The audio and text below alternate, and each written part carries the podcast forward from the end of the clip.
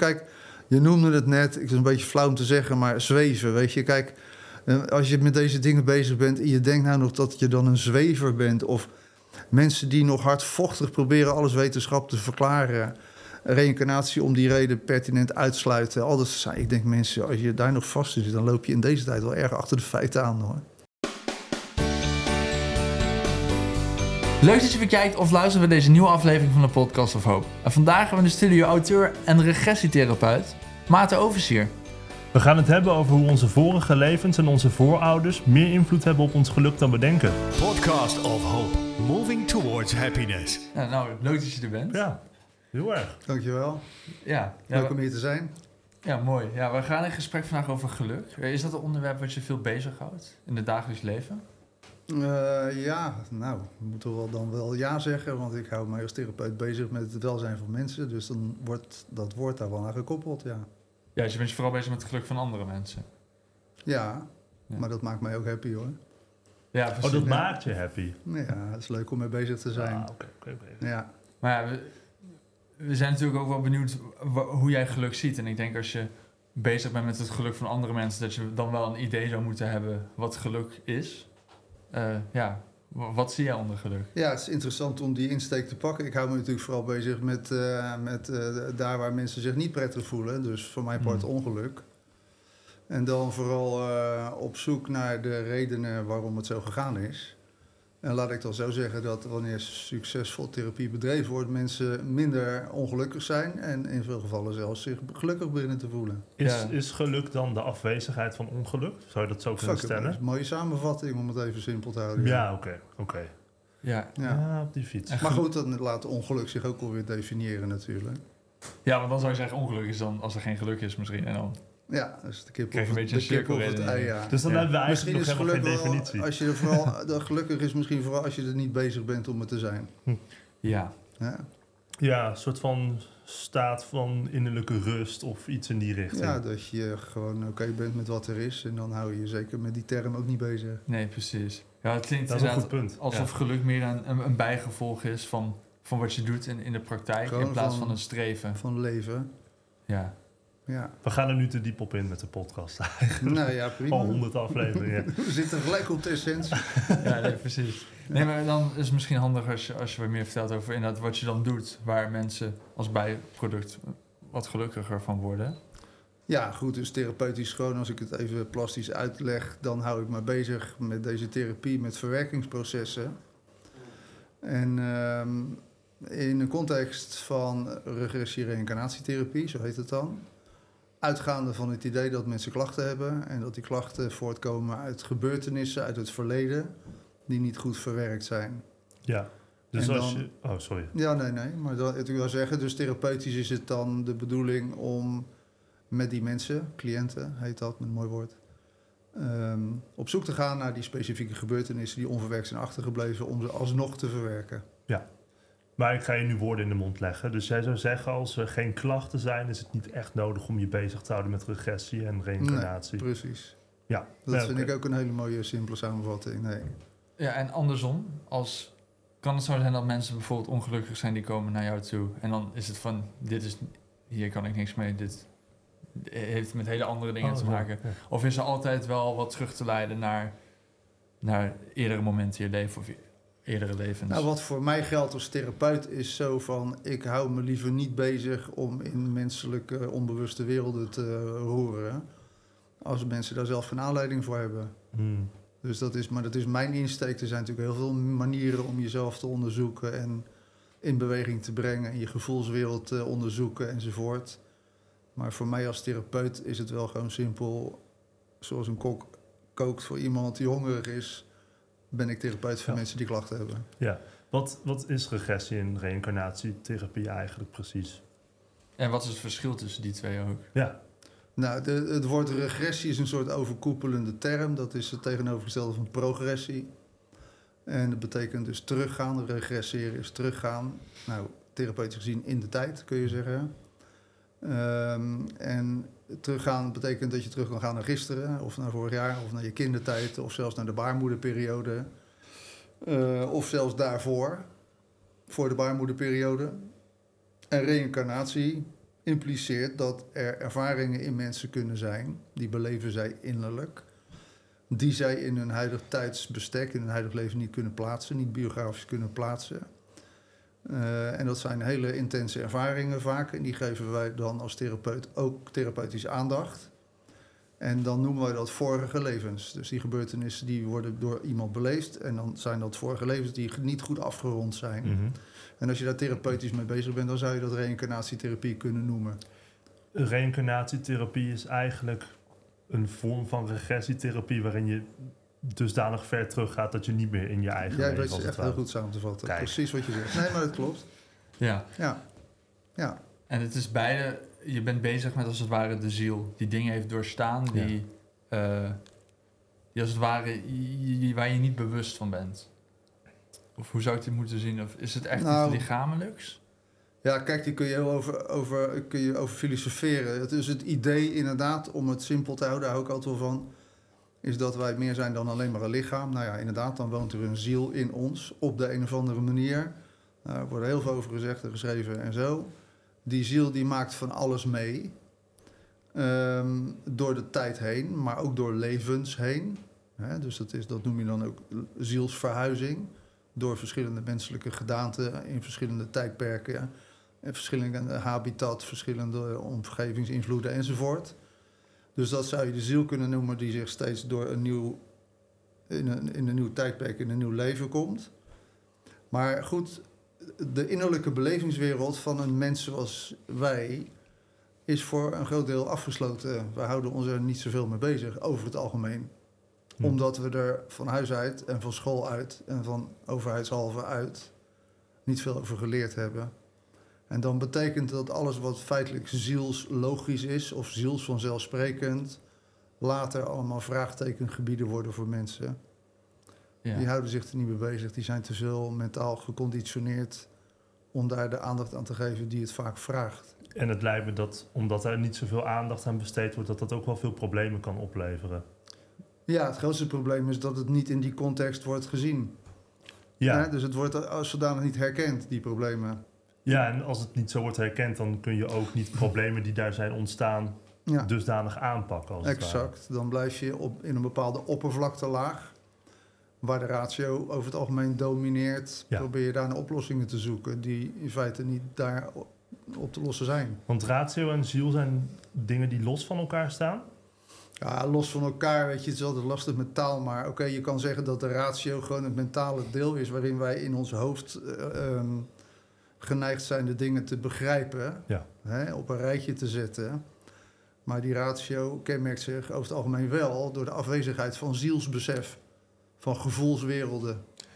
Oh, dat is wel... En daarom gaat de ratio vaak de boel domineren... ten opzichte van de gevoelswereld. Ja. Dat is wel grappig dat je dat zo zegt, want ik zou persoonlijk de ratio als een onderdeel van zien, op die manier. Nee, het is eerder een hulpmiddel. Oh ja. dus de ratio is een hulpmiddel om ervaringen die we hebben, leerstof voor mijn part, eh, percepties, om dat op een begrijpelijke manier naar jezelf te vertalen, in een bepaalde context te plaatsen. ja. En dat kan je in je hoofd kan je dat doen, maar het kan ook echt wel een eigen leven gaan leiden daar. Ja, nee, maar wat, ik, zat, ik zat op deze manier te denken, want je hebt altijd die, die klassieke scheiding tussen ehm, lichaam en geest of ziel, als het ware. Ja, En ik vind de ratio, of het denken dan überhaupt, vind ik dan niet heel typisch aan het lichaam. Dus dan zou ik het aan de kant van de ziel zetten op die manier. nou het is meer dat de ratio de wereld, onszelf, elkaar, alles wat er gebeurt, in een begrijpelijke context wil Ja. snappen. Ja, Eh, maar aangezien er heel veel spirituele vanzelfsprekendheid, heel veel zielsbesef of bewustzijn niet makkelijk uitlegbaar zijn doordat die ratio be- behoorlijk beperkt is in bevattingsvermogen, mhm. concludeert die ratio over het algemeen ook heel bekrompen. Ja. En het meest bekrompen ervan is dat die denkt daardoor het uitgevonden te hebben en geen rekenschap meer houdt met alles wat er buiten die definities vallen. Ja, ja dat, dat is dan ook wel weer zo. Maar wat dan wel gek is, is we hebben dus nu inderdaad niet echt meer een besef van een ziel. Maar dat is eigenlijk een vrij modern, tussen aanhalingstekens, fenomeen. Want als je oude filosofie of zo leest, leest elk, elke civilisatie heeft al een zielsbesef gehad. Maar hoe hebben we het dan opeens nu niet meer? Nou, ik, ik, wil, ik wil niet zeggen dat het er niet meer is, maar... En dat ben ik met je eens natuurlijk. De ziel is van alle tijden. Reïncarnatie trouwens ook, hè. Ja. is ook van alle tijden, dat klopt. Maar het is ook wel weer zo dat er heel veel, ook in dat gebied, analyses op losgelaten zijn. Waardoor de essentie zoals de ziel zich laat zien, niet aansluit bij hoe het weer gedefinieerd wordt. En daar kunnen ook weer religies rondomheen ontstaan en allerlei doctrines enzovoort. Hm. Dus kijk, ik zeg altijd van ik doe dit werk al een aardige tijd en ik heb heel veel met cliënten gewerkt en dan krijg je een soort vrij inzage in hun onderbewuste wereld. Dat zijn over het algemeen mensen die zich nooit verdiept hebben in dit soort zaken, die niet met reïncarnatie bezig zijn, maar gewoon een oplossing zoeken voor hun klachten. En wat ik altijd heel fascinerend gevonden heb, is dat die mensen, die eh, leggen het het beste uit hoe het in elkaar zit. Ja, ja. Eh, Dat vind ik. eh, en dan is er ook nog een soort gemeenschappelijke deler in alles wat ze vertellen. Hm? Een bepaalde logica. En ik vond het mooi, want ik heb wel best wel wat boeken en zo gelezen over deze onderwerpen. Maar lang niet in alle gevallen sloten die twee werelden bij elkaar aan. Terwijl ik wel van de praktijk ben. Ja, mensen die er niet over gelezen hebben, hebben misschien niet het probleem dat hun ratio dan een sluier over het onderwerp gooit. Die, Ja, je legt het heel mooi uit. Precies wat je zegt. Hm. Ja, inderdaad. Dat is dus dat is eh, precies zoals jij het aangeeft. Dat is vaak eigenaardig dat heel veel mensen niet beseffen dat ze een sl- een ratio-sluier over die zaken heen leggen. Ja. En voor mij geldt het gewoon als ik praktisch ben met dit werk, praktisch bezig ben met dit werk, dat de klachten die onverwerkt zijn achtergebleven, nou nee, ik moet zeggen de gebeurtenissen die onverwerkt zijn achtergebleven, die noemen we trauma's, even voor het gemak. Die zijn niet mals over het algemeen, want het systeem lost heel veel zelf op. Maar de dingen die er echt toe doen, kennelijk zijn wij die geneigd te verdringen, te verstoppen, eh, zelfs af te sluiten en uiteindelijk te ontkennen. Maar vanuit de ziel is dat onmogelijk. Een ziel accepteert die uitsluitsels niet, zeg ik altijd. Dus die zal altijd signalen blijven geven ja. om er dan alsnog weer verbinding mee te maken. En dat is wat de ratio heel lastig kan bevatten. Ja. Ja, precies. Die ziet gewoon lijden. Ja, we zitten eigenlijk tot een bepaalde kern meteen. Dat is heel grappig. Ja, Ja. oh, dat is wel een hele goeie. Ja. Dus de ziel die blijft dat trauma als het ware vasthouden en wil jou daar bewust van maken. En de ratio heeft zoiets van, nee, dat, dat doet pijn. Ga maar aan de kant. ja. Ja, dus het helingsproces zit hem in bewustwording. Bewustwording en absoluut bewustwording en verwerking. Ook op emotioneel en lichamelijk gebied. Ja, Als je nare dingen meemaakt, dan zijn er altijd emoties en fysieke sensaties in betrokken, in die gebeurtenissen, die allemaal eh, tijdens deze therape- therapeutische sessies aandacht hebben. Dus het begrijpen ervan is niet voldoende. nee, je kan het begrijpen Ja. terwijl het nog steeds vastzit, zeg maar. Dus als Ja. al die zaken zeg maar, met elkaar in beweging komen, de gevoelens, het lichaam, het begrijpen, dan komt er een werveling die heling tot gevolg heeft. Ja. Een ontlading, ja. Ja, maar het is dus wel de, de cliënt zelf die als het ware eh, in controle is om zelf het te verwerken, als het ware. Je Ja. stelt ze als het ware open naar iets, maar ze moeten het uiteindelijk zelf doen. Heel goed. Ja, ik ben, ik ben in die zin, eh, laat ik zeggen, een functionele begeleider. Ja. Als therapeut, dus ik verbeeld me ook niet dat ik mensen beter maak of zo. Ik ben scherp in begrijpen hoe eh, biografische contexten in elkaar zitten. Dat zijn voor mij een soort landkaarten, waardoor ik zie wat waar fout gegaan is. En ik kan goed vragen stellen aan iemand. Maar precies wat jij ook zegt, de processen spelen zich in iemand af. Ja. Dus die zullen achteraf altijd het gevoel hebben van... ja, het kwam door mij heen, ik heb het zelf beleefd. Het is me niet in de mond gelegd, zeg maar.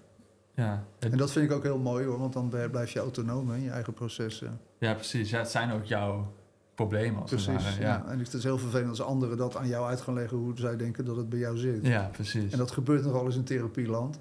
Ja. Ja, dat geloof maar ik wel, dan zou ja. ik het niet leuk vinden. ja, want dat doet mij ook heel erg denken aan, aan, aan psychoanalyse. Ik weet niet of jij dat ook hebt. Maar dat is ook een beetje, dus dat, dat, Ja. dat de rol die, die jij hier speelt ook een beetje, net als de psychoanalyticus. Dat Ja. je als het ware de patiënt be- begeleidt door misschien vragen te stellen of door middel van...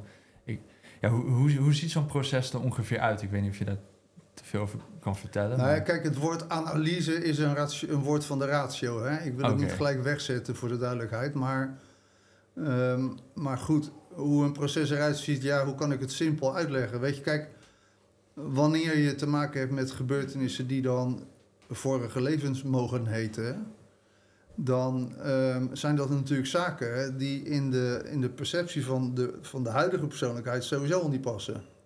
De ratio zegt, ik, ik ervaar een soldaat te zijn ergens op een slagveld, Mhm. terwijl ik de oorlog nog nooit heb meegemaakt, dus ik zit dit te verzinnen. Ja, Hè? Dat is Ja. zo de wanhoopsreactie van de gedachte weer, weet je wel. ja. Maar ik zou zeggen, nou ja, misschien is het goed om het even het voordeel van de twijfel te geven. Dus ratio, eh, take it easy. Je hoeft het niet uit te zetten, maar rustig aan. En zo, je hebt niets te verliezen als je dat doet. Precies, en dan komen die verhalen naar de oppervlakte. En dan krijg je dus hele levende, levensechte ehm, eh, sensaties die door iemand naar buiten komen. Mhm. Die, eh, ja, die er niet om liegen en die dus op zijn minst de indruk wekken. Nou, ik ben niet zo sceptisch meer naar dit werk, maar voor degene die dat nog wel zou zijn, van mijn god, hier wordt iets wezenlijks beleefd door iemand. Dat ze worden doodgeschoten, achtervolgd. Dat ze misschien zelf iemand neerschieten met alle ellende en shit van dien. En wat het verhaal ook is, het gaat er uiteindelijk om dat het aansluit bij de actuele klachten. En dat is fascinerend van dit werk. Dat de actuele klachten altijd herleidbaar zijn, zeg maar, naar dat soort verhalen.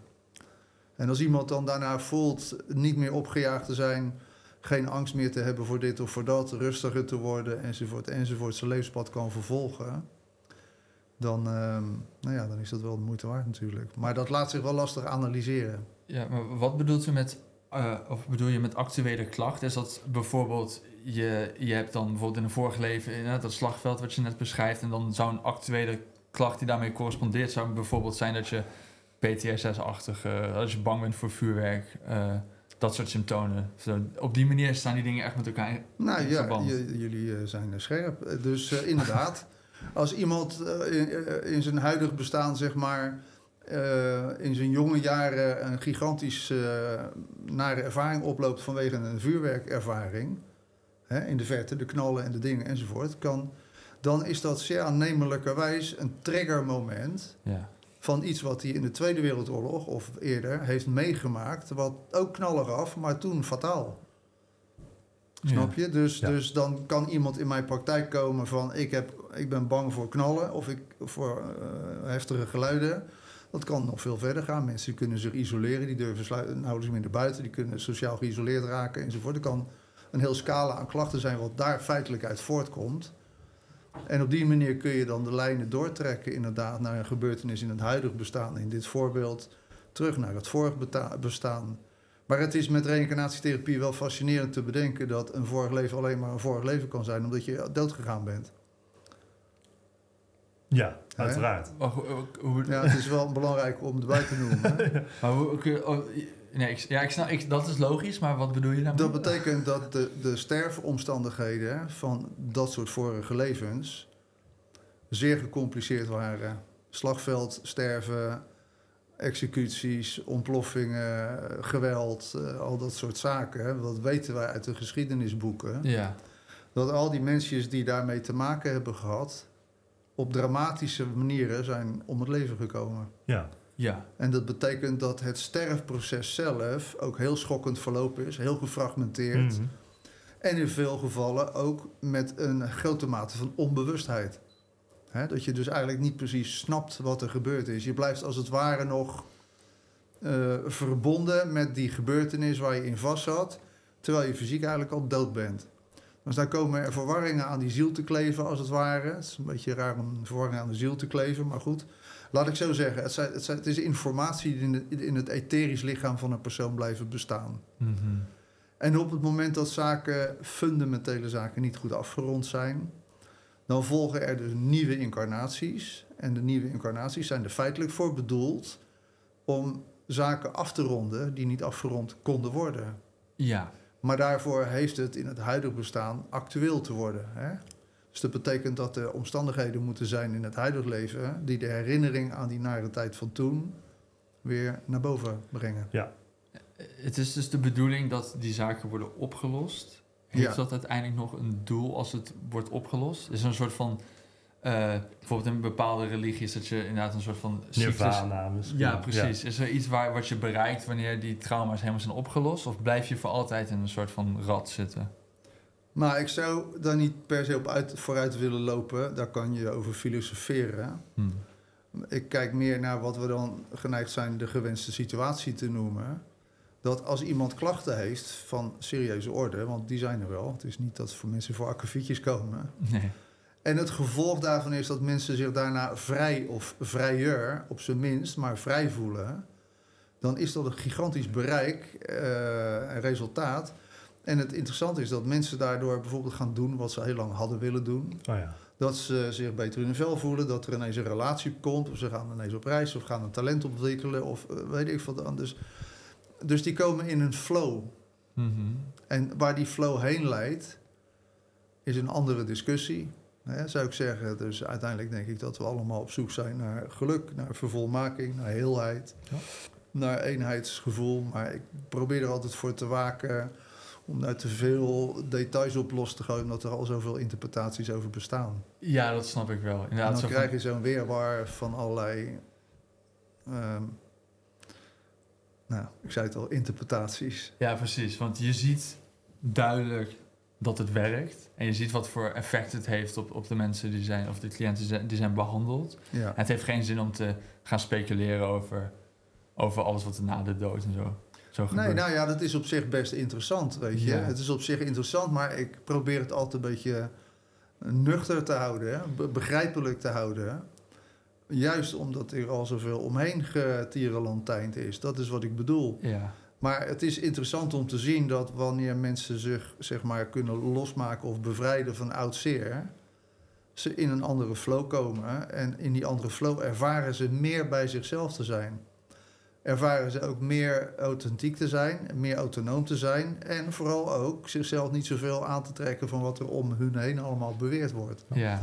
Hetgeen in deze tijd niet een eh, onbelangrijke bijkomstigheid is natuurlijk. nee, precies. Helemaal niet zelfs. En dat vind ik al prachtig mooi. eh, maar het zou kunnen zijn dat we allemaal op pad zijn, inderdaad, naar waar we ooit vandaan komen. Een oerbron of een gelukzalige afstemming in, in dimensies of zoiets. Ja, maar dat zie ik dan wel weer. Ja, want we hadden het er net al een beetje over. Veel mensen vinden het idee van dat we een ziel hebben al eh, Ja. te lastig, te begrijpen of te zweverig. Nou, dan zou je inderdaad... Niet wetenschappelijk genoeg. Ja, dus dan zou dat hele Ja. verhaal over meerdere levens nog lastiger te begrijpen zijn. Ja. Maar merk je wel dat er een soort van shift plaatsvindt, dat mensen meer open gaan staan voor dit soort ideeën? Eh, ja, ik heb wel eh, die indruk. Ja, er is natuurlijk best een hoop gaande, met name de laatste paar jaar in de wereld.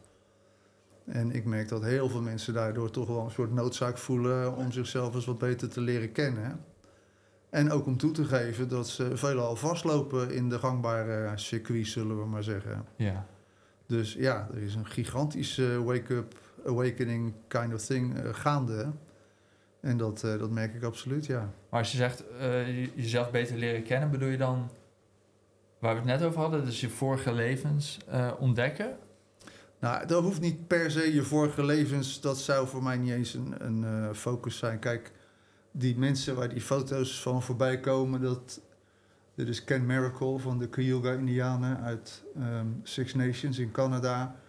Eh, een hele goede vriend waar ik al jaren kom. Eh, die, die, die mensen daar, die hebben nog zoveel wijsheid over wie je bent als mens en hoe je verbonden bent met moeder aarde, met de dieren, met Great Spirit de flow van het leven. Het feit dat je kunt luisteren naar wat de droom je te vertellen heeft.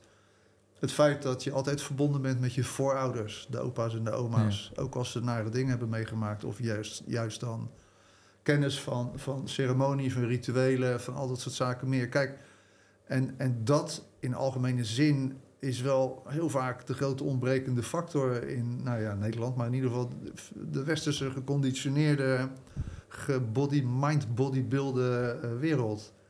En daar denk ik dat een gigantische winst te behalen is uh, om, om uh, nou ja, mensen wat meer bekend mee te maken. Ja. Een soort van return to nature, als het ja, ware. Ja, precies. Ja, en het even te ontdoen. Kijk, je noemde het net, ik is een beetje flauw om te zeggen, maar zweven, weet je. Kijk, als je met deze dingen bezig bent en je denkt nou nog dat je dan een zwever bent... of mensen die nog hardvochtig proberen alles wetenschap te verklaren... reïncarnatie om die reden pertinent uitsluiten. Al dat zijn, ik denk mensen, als je daar nog vast in zit... dan loop je in deze tijd wel erg achter de feiten aan hoor. Ja. Het wordt wel tijd dat we eventjes weer beseffen dat er wel meer is dan een zo'n hompie vlees met een, zo, met een zootje Ja. biochemische processen.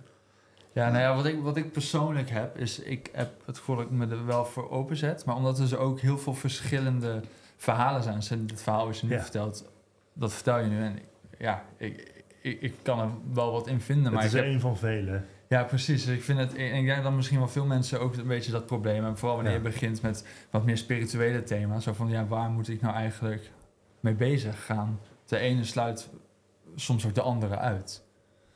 Nee, ik eh, ben het helemaal met je eens. Ik, ik geloof dat het ook super verwarrend is wanneer jij eh, geïnteresseerd raakt in, in, in wat meer dan het gangbare, zeg maar. Van aan welke deur moet je kloppen? En deze tijd, man, er is een overload aan aanbod, man. De, Ja. de, de, de ene beweging naar de andere lichtcirkel en de, de- weet ik veel, allemaal alles dringt zich bijna aan je op. Dat is super verwarrend. En eh, ik wil er ook niet zeggen dat ik de wijsheid in pacht heb. Ik ben wel een doorgewinterde therapeut met veel ervaring. Daar Ja. heb ik ook over geschreven. En als ik die ervaring niet zou hebben, dan zou ik hier niet eens zitten. Dat zou ik helemaal niet eens willen. Ik heb niet een of ander theorie, verhaal bedacht wat ik dan uit wil dragen. In feite eh, maak ik gewoon een vertaalslag van een, van een lange tijd werken op deze lagen. En ik hoef het ook niet te bewijzen, ik hoef het ook niet aan te tonen. Maar ja, de India of die Indianen in combinatie met mijn praktijkervaring vertellen wel iets heel eh, overeenkomstig. En Ja. daar ben ik wel enthousiast over en dat wil ik wel heel graag uitdragen. Ja, En geloof ook nog dat als jij werkelijk van binnen voelt meer te willen weten over deze dingen, dat je wel bij de juiste bronnen aankomt. Dan, kom, dan valt het juiste boek of de juiste eh, film of inspiratiebron, weet ik veel wat, je- op je pad. ja. Dan moet je er ook vertrouwen in hebben. Maar, Maar het, het zou wel kunnen dat er meerdere wegen naar dezelfde kern leiden. Zeker moet je soms eerst flink afgeleid zijn en een keer op je bek gaan eh, om te ontdekken dat het daar dan niet is of zo. Ja, ja dat is ook zo, ja. Ja, dus eh, en eh, dat geldt voor mij net zo goed. Ik heb ook een hoop onderzocht natuurlijk. ja. Maar ja, ik val in herhaling als ik zeg, ik ben wel blij een praktijkman te zijn. eh, in plaats van iemand die pretendeert een, een of andere filosofie te willen opdringen of zo. Ja, want je ziet dat resultaat in de praktijk. Precies. Dus daar is- kun je al niet omheen. Dat is de enige reden waarom ik dit nog steeds met veel passie en plezier en fascinatie doe. Vroeger was ik kok en dan wil je ook zorgen dat het goed is. Hè? De mensen zeggen, hey, Ja, precies. Ja, als je dan allemaal dingen aan het koken was en elke keer waren ze van, nou, dit vind ik niet lekker, dan ging je ook twijfelen of je nou... Maar je, ken- maar je kent de theorie, hè? Je kent de theorie. Ja, ja precies. Ja. Maar dat maakt niet uit als je niet kan koken. Nee, Ja, precies. Ja. Ja, Maar, Maar het zweven, weet je, waar we het net over hadden, dat zei ik al van als je. En de, de, de prototype Indiaan die zou zeggen: ja, kijk, als je een hele dag in je hoofd zit. te checken of alles klopt. In de ratio zoveel cijfers achter de komma. dan zit je te zweven. In je hoofd zweef je. Ju- juist dan. Ja. Daar is de zweefafdeling. Zeker. En afdalen naar beneden, down to earth, betekent in jezelf te gaan onderzoeken. Om te ontdekken dat daar gewoon een hele belevingswereld is. Hè, daarom zei ik al, als je dat nou nog vreemd vindt, dan loop je achter de feiten aan. Maar dat is, dat is ontzweven. Dan kom je gewoon in een, in een afstemming waar je wezenlijke dingen over jezelf gaat ontdekken. Ja, ja. dat mag wel tegenwoordig. ja, het is ook bijna vaak een denigerend woord. Zo, oh, dit is zweverig, ik wil me hier niet mee bezig Ja, in steeds mindere mate wel, volgens Klopt, mij. dat, Ja. dat denk ik ook. Ja. Maar wat bijvoorbeeld dan voor mij eh, was het Tini Kant, dus die kwam dan hier en die kwam vertellen over no-nonsense spiritualiteit. Ja, En voor mij was de insteek dan een beetje van mensen die allergisch zijn voor zweverige ideeën, toch een beetje spiritualiteit bij te brengen. Ik, ik weet niet of dat werkt. Het, is gewoon, het is wat ik bijvoorbeeld heel vaak gemerkt heb. Kijk, als ik spreek over reïncarnatie. Oké, ik heet reïncarnatietherapeut, of tenminste, zo heet het werk wat ik doe. Ik probeer het woord al zoveel mogelijk te vermijden, hè, omdat heel veel mensen daar allerlei eh, weet ik veel, ideeën over hebben. Eh, maar vooral dat het een religie is. Hè. Die zeggen dan ja, maar dan moet je wel in geloven. maar de mensen die dat het hardste denken, die zijn vaak heel gelovig opgevoed met de gevolgen van dien. Dus die gaan gelijk associaties maken met een doctrine waar ze als kind al heel erg in ondergedompeld zijn. Oh zo. En dan projecteren ze dat idee hè, al, al op, op, op dit. Maar het is, dit is niet een, een, een, een religie, het is gewoon een wetmatigheid, zo zie ik het althans. Dus, maar ja, weet je, het woord spiritualiteit, als je het woord noemt, zijn er al heel veel mensen die hier gelijk een kerk opdoemen. In hun percepties, omdat ze dat automatisch aan vastkoppelen. Ja, dat vinden ze Maar- eng dan waarschijnlijk. Nou ja, dat is de referentie die ze hebben van vroeger. Ja, Snap Ja, logisch ook natuurlijk Zo wel. zitten ze daar vast in. En dan krijg je ook niet meer de mogelijkheid om met een objectieve blik naar eens een keer naar een andere verhaal te luisteren of zo. ja. Mensen projecteren zich suf op basis van de programma's die ze van huis uit erin gekregen hebben. Dus, de, dus bijvoorbeeld eh, de, de ras atheïst wordt vaak atheïst omdat hij te maken heeft gehad met extreme geloofssituaties. Mhm. Ja, Hè? Ja, Dus die, vaak, die, is, ja. die is net zo druk bezig met iets niet te geloven.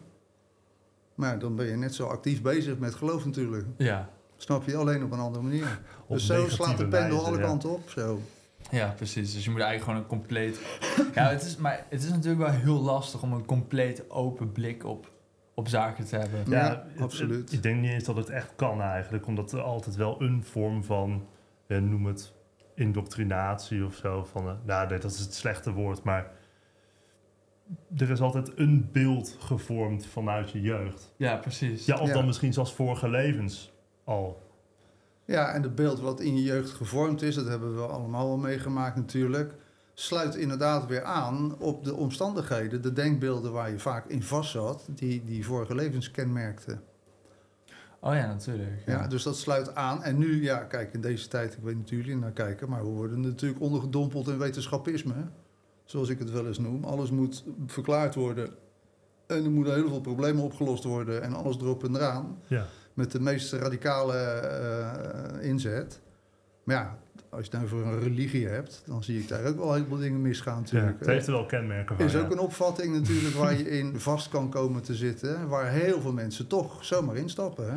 Ja, want daar zonder kritisch te kijken. Ja, zeker We wilden daar ook al naar vragen. Van hoe past als het ware deze manier van naar dingen kijken in deze wereld die zo gedomineerd is door.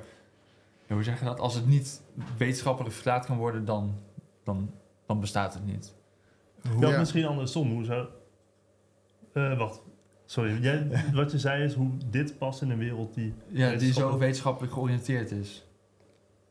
Ja, precies. Ja, Ja, nee, nee dat is wat ik wil. het hoeft niet meer andersom. Het hoeft niet meer andersom. Nee, nou, dat past natuurlijk niet echt goed in elkaar. Nee.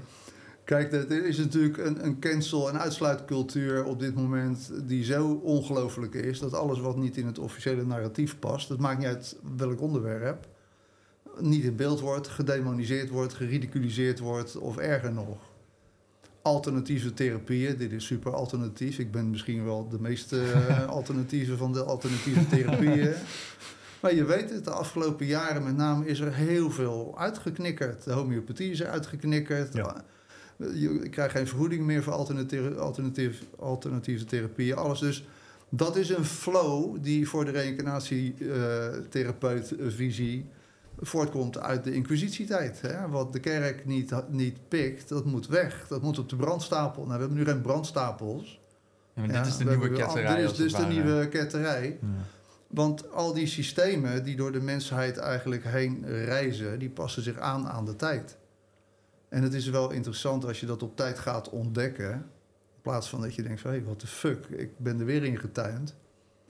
Dan eh, doe je jezelf volgens mij groot plezier. En dat is wel in deze tijd wel. eh, en dat is ook het grappige, want hoe meer er uitgegooid wordt, het is de uitsluitcultuur, hoe meer dat wat uitgesloten wordt, een eigen leven gaat leiden. Hè? Ja, En, en dat, moet is ook. waar, ja. Dat is ook de bedoeling. Hè? Ze zeggen wel eens van alles wat aandacht geeft, dat groeit. Maar ik zeg altijd, alles wat je geen aandacht geeft, dat groeit nog veel harder. ja, precies. En dat gaat zich ook tonen natuurlijk. Er zijn natuurlijk steeds meer mensen die zich niet meer kunnen vinden in dat officiële narratief. Zullen we maar zeggen. En dan bedoel ik dat in de breedste zin van het woord. En vanuit de uitsluitafdeling weer gewoon een nieuwe samenleving gaat opbouwen of nieuwe plannen trekt of zo. En ik denk ook dat het een daarom ook steeds meer aan het afbrokkelen is. Ten opzichte van het ander. Want we verlangen allemaal naar een liefdevol bestaan. Ja, dus je bent wel... eh, Het klinkt misschien een beetje pessimistisch... maar eigenlijk ben je juist optimistisch... dat uiteindelijk dat besef er komt. Ja, precies. Dat ben ik eh, zeker. Want wat ik interessant vind als je het inderdaad in het grote plaatje bekijkt, waar we het nu over hebben, dat dat in feite overeenkomt met hoe mensen op persoonlijk niveau tegen hun eigen eh, conflicten aanlopen. Ja, Snap je? Dus wat je in jezelf kijkt, er zijn heel veel mensen die denken als er iets gemankeerd wordt, dat dat bestreden moet worden of, of eh, te lijf gegaan moet worden of onderuit gehaald. worden. Maar dat is een opvatting. Hè? Je kunt beter je afvragen van, goh, dat wat ik mankeer, misschien is het wel het gevolg van het feit dat ik al heel lang loop te strijden. Dus er komt gewoon een nieuwe kijk op zaken. En dat is in het, groot, in het grote plaatje volgens mij ook gaande. En daar ben ik wel optimistisch over. ja. Het is die Indianen, nou deze dame, Grandmother Sarah van de Mohawks, die ooit zo mooi tegen mij zei van eh, Moeder Aarde, ze noemde dat dan Turtle Island, Moeder Aarde. Zij geeft geen vruchtbare bodem aan dingen die niet waar zijn. Ja, En aangezien ik zelf geloof dat er op dit moment nogal wat leugens en onzin over ons heen wordt gestort. En allerlei plannen hoe dat allemaal weer moet opgelost gaan worden. Moet er steeds meer wilskracht en aandacht en energie naartoe om dat balletje op te houden. Maar zoals Ja. zij zei, moeder aarde gaat daar geen vruchtbare aarde aan geven. Dus het, het, het, inrichten van een, van een plastic, intelligent, digitaal, eh, artificieel, kunstmatig samenlevingsstructuur. Daar kan moeder aarde geen voeding aan geven. dat sterft af op een gegeven moment. ja, dat krijgt geen eens wortels. Nee, precies. Maar het sterft af voor zover je dan misschien nog wortels eraan gegeven hebt. Ja, het, het probeert nu wortels te krijgen. Dat pre- ware. precies wat je zegt. Dwangmatig moet het wortelen. Ja, Maar moeder aarde die snapt het niet. En niet omdat zij pissed off is, maar omdat ze gewoon... Het is haar vreemd, zeg maar. Weet je? Het is, Dat is een verkeerd puzzelstukje. het is Ja, geen, goede combi. Gewoon Ja. dus aardbei met pindasaus. Dat matcht ook niet. Weet je? nee, dat werkt niet. ik zat er aan te denken, misschien, maar nee. nee. Dus ik ben zeker optimistisch. Maar het is wel een heftige tijd, ja. Ja. Nou, ik, ik wil het sowieso nog wel even hebben over inderdaad de Indianen. Want deze, ja, ik noem het dan maar even deze spiritualiteit waar je het nu over hebt, dat komt volledig uit. eh, en dan met name waarschijnlijk dus de beetje Noord-Amerikaanse Indianen. Eh, kijk hem. ja. Ik loop daar zo incognito tussen. Maar mijn dochter die heeft die foto gemaakt, weet ik. Die twee hier Gespot. links voor, die moeten zo lachen. En ik had altijd het idee van dat ze op mij moeten lachen. Dus lach je toe dan. wel. ja, dat hoop Ja, ik dat dan. Ja. Maar in ieder geval, ehm, nou ja, de, deze plek is in Canada. Dus ik, ik ben heel vaak bij de Irokezen, die wonen in Canada, tenminste het gebied wat nu Canada heet. Maar de, wat ik zei, de overeenkomstige factor van de inheemse cultuur of opvatting, voor zover ik dat kan zien, draait allemaal in instantie om het feit dat we ziel zijn. En dat die ziel, dus noemen dat de adem van de grote geest, in iedereen en alles wat leeft huist. Dus in het vuur en in de bergen en in de wateren en in de sterren. En het leven van je voorouders leeft in jezelf en zo. Op die manier zijn we allemaal verbonden. Dus dat klinkt misschien heel, heel simpel, maar het is wel belangrijk te beseffen dat dat betekent dat als ik jou iets aan zou doen, dat ik daarmee mezelf ook iets aandoe. Ja. Eh, dus zo simpel is het eigenlijk. Hè? En aangezien wij nu in een wereld leven waarin die polarisatie nog zo bizar is. En er nog heel veel mensen met stropdassen en mantelpakjes beweren dat als jij er niet meer bent, dan gaat het met ons beter. Betekent dat die nog in een spirituele bewustzijnsafstemming zitten. hè, Waar je niet veel verder mee kunt. En die natives, die, die eh, indianen dan zeg maar. Ja, die weten dat natuurlijk al zo lang. Dat alles wat je een ander aandoet, of eh, weet je wel, dat, dat, dat je de return vanzelf een keer krijgt. Ja. En dat is in combinatie met het belang van het kennen van je voorouders. Wat ik net zei, de ceremonies en de rituelen die wij eigenlijk gewoon integraal in ons leven zouden moeten hebben. Naast eten, drinken, poepen, plassen, dansen, reizen, lol maken. hè. Dat dat ons op een dwaalspoor heeft gezet, als het ware, door de tijd heen. En dat dwaalspoor, ehm, ja, maakt het mogelijk voor andere machten en krachten, zullen we maar zeggen, om daar dan een kunstsysteem omheen te zetten.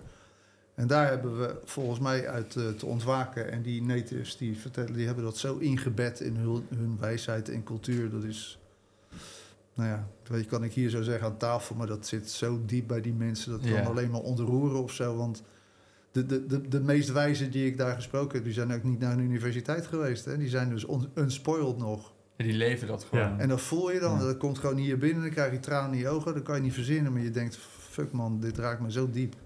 Dit moet wel hout snijden. Ja. En die hebben een wijsheid uit daadwerkelijke ervaring. Ja. Exact, dat.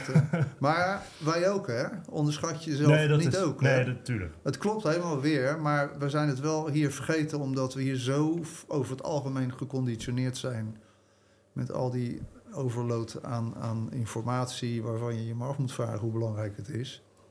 Ja. Dat we het weer terug te vinden hebben. En daarvoor heeft een oud systeem vaak eerst weer wat in te storten. Nou, daar zitten we denk ik best wel aardig in op het moment. Ja. We vragen altijd onze gasten een voorwerp mee te Ja. nemen. Waar ze gelukkig van worden, inspiratie uithalen. En ehm, je hebt je boek meegenomen. Ja, het is wel een beetje stom dan als je het zo netjes... Dat, ja, het is een beetje stom dat ik hier gelukkig van word. Maar een beetje word ik het wel. ja. Ik Ja, snap het wel, nemen. Maar ja, je boek, we, we zijn wel heel erg benieuwd naar je boek. Want zoals je zei, het is alweer de zesde druk. Oh. het is alweer de zesde druk, dus het is enorm populair. Ik, kun je vertellen, ja, waar gaat Nou het ja, over? ik heb eh, in de loop van de jaren dat ik dit werk doe... veel artikelen geschreven voor allerlei magazines en zo. En eh, een vriend van mij die zei toen van... eh, joh, dat zijn goede artikelen, die moet je bundelen tot een boek. Dan hebben we mensen compact het bij elkaar. En toen dacht ik, nou, dat is een goed idee. Dus ik ben toen die artikelen een beetje aan elkaar gaan schrijven. En daar is dit boek uit voortgekomen. Ehm, en het boek eh, ja, beschrijft dus eigenlijk eh 27 jaar bijna reïncarnatietherapeutschap. Met ehm, alle, heel veel cliëntverslagen, zoals het heet. Met een stukje filosofie achter het ontstaan van trauma door de tijd heen enzovoort. En dat is uitgekomen eigenlijk eh, in september 21, dus toen die hele corona-shizzle begon Hmm. kwam ook mijn boek uit. En op de een of andere manier is er zoveel belangstelling voor gekomen dat we al bij de zesde druk zijn in anderhalf jaar tijd. Misschien ook wel de perfecte timing dan. Nou, precies. Ja. En dan zie je ook dat soms dingen ook bij elkaar komen. Ja, maar kwam de belangstelling door de coronacrisis? Of denk je dat het sowieso wel was gaan nou, lopen? kijk, het, het was wonderlijk, want ik had het boek in de hoofdlijn al geschreven. En wat ik beschrijf onder andere in het boek is hoe onze ouders en voorouders, dus dat zijn de opa's en oma's enzovoort, Ja. in hun tijdsbeeld onder welke invloed zij in die traumatisering terecht zijn gekomen. Onder andere bijvoorbeeld heel veel van onze omaatjes en opaatjes ook, maar die, die echt zijn gaan geloven dat ze in de hel zouden terechtkomen enzovoort. En wat het effect van dat soort overtuigingen zijn voor het nageslacht is immens. Ja. Om het nog maar niet te hebben over alle oorlogstraumatisering, eh, de NSB, de verzet, de inquisitie, of heet dat, eh, geëxecuteerd worden, armoede, honger. Nou, hele scenario heb ik gezien in mijn werkbare jaren dat dat zoveel effect heeft voor ons, voor de huidige generaties. Van jeetje, dan moet ik meer aan de grote klok. Dat heb ik allemaal beschreven, maar toen kwam dat corona-verhaal eraan, toen ik het boek al wilde uitgeven. Dus ik heb toen nog een aantal hoofdstukken eraan toegevoegd, ten koste van een paar andere hoofdstukken. Ja, ja. Op de opzet van waar wij dan drie jaar geleden in terecht zijn gekomen, ongeveer in verbinding uit te leggen met waar onze voorouders in vast zijn gekomen en alle overeenkomsten die ik zag. Vandaar dat het dan toch een heel actueel boek werd. werd Ja. Denk je dan ook dat die crisis een soort van eh, traumatische ervaring kan zijn geweest... waar toekomstige generaties dan nog last van gaan hebben? Ja, je zegt het eh, wederom eh, perfect. Dat is dan weer geen leuk vooruitzicht. Nou, het is niet leuk, maar het is vooral mooi, is precies weer zoals jij het zegt, dat wanneer mensen daar besef over krijgen, Ja. je je er heel anders toe gaat verhouden. Ja. En ook de keuzes die je maakt gewoon veel meer vanuit je essentie zijn, in plaats van dat je alleen maar volgt wat jou min of meer opgedrongen wordt. Dat doet je ziel pijn. Ja. Dat is wel wat ik geleerd heb, en ik ben nog steeds lerende voor de duidelijkheid. Wat een ziel niet trekt, is als er door autoriteiten buiten hemzelf om besloten wordt wat er moet gebeuren. Hmm. Dus een ziel heeft een intrinsieke behoefte vanuit het zelf, vanuit een intrinsiek, wezenlijk, innerlijk deel, een levenspad in te stappen en te creëren en uniek te zijn. En dat is wat innate is. Kijk, mooie, mijn kids. Ja. Dat is wat die natives me altijd vertellen. Wij zijn allemaal een klein stukje van de creator of great spirit. Maar de creator is creatieve energie. Ja. En wij verlangen op die manier dat wij ons uniek uitdrukken. We hebben allemaal een uniek stukje medicine, zoals ze zeggen. En samen kunnen wij daardoor de schepping hier in de fysieke vorm, kunnen wij die vormgeven. Op een unieke wijze. Maar tegenwoordig leren we alleen maar kopieën te worden. En dat je gewoon je energie en alles moet inzetten voor een wereld die door multinationals gedomineerd wordt. En dan ben je niet uniek. Dan word je een kopie. En daar gaat je ziel verdrietig van worden. Waardoor je weer steeds op herhaling gaat. Feitelijk elke keer om je tot een punt te komen van... Nou, ik heb helemaal geen zin meer in dit kopieprogramma. Ik wil gewoon doen wat ik voel wat ik wil doen. Ja. ja, interessant. Ja, we, zijn, we zijn op het einde gekomen eigenlijk van de podcast. Ja? Ja, we vragen eigenlijk altijd onze gasten als afsluiten of ze een tip hebben voor iedereen die luistert. Ja. nou, als ik een tip mag geven, eh, zou ik zeggen... ehm, kijken of je een, een, nieuwe visie kunt ontdekken over de verbanden die je met je voorouders hebt. Met je vader, moeder, met opa's en oma's. Zeker als het niet altijd eh, even harmonieus gaat. Probeer te ontdekken wat er met hun gebeurd is in hun tijdsbeeld. Waardoor er misschien kinken in de kabel zijn gekomen. Nou, Goeie tip, dankjewel. Ja, heel erg bedankt voor het gesprek. Graag gedaan. Was leuk.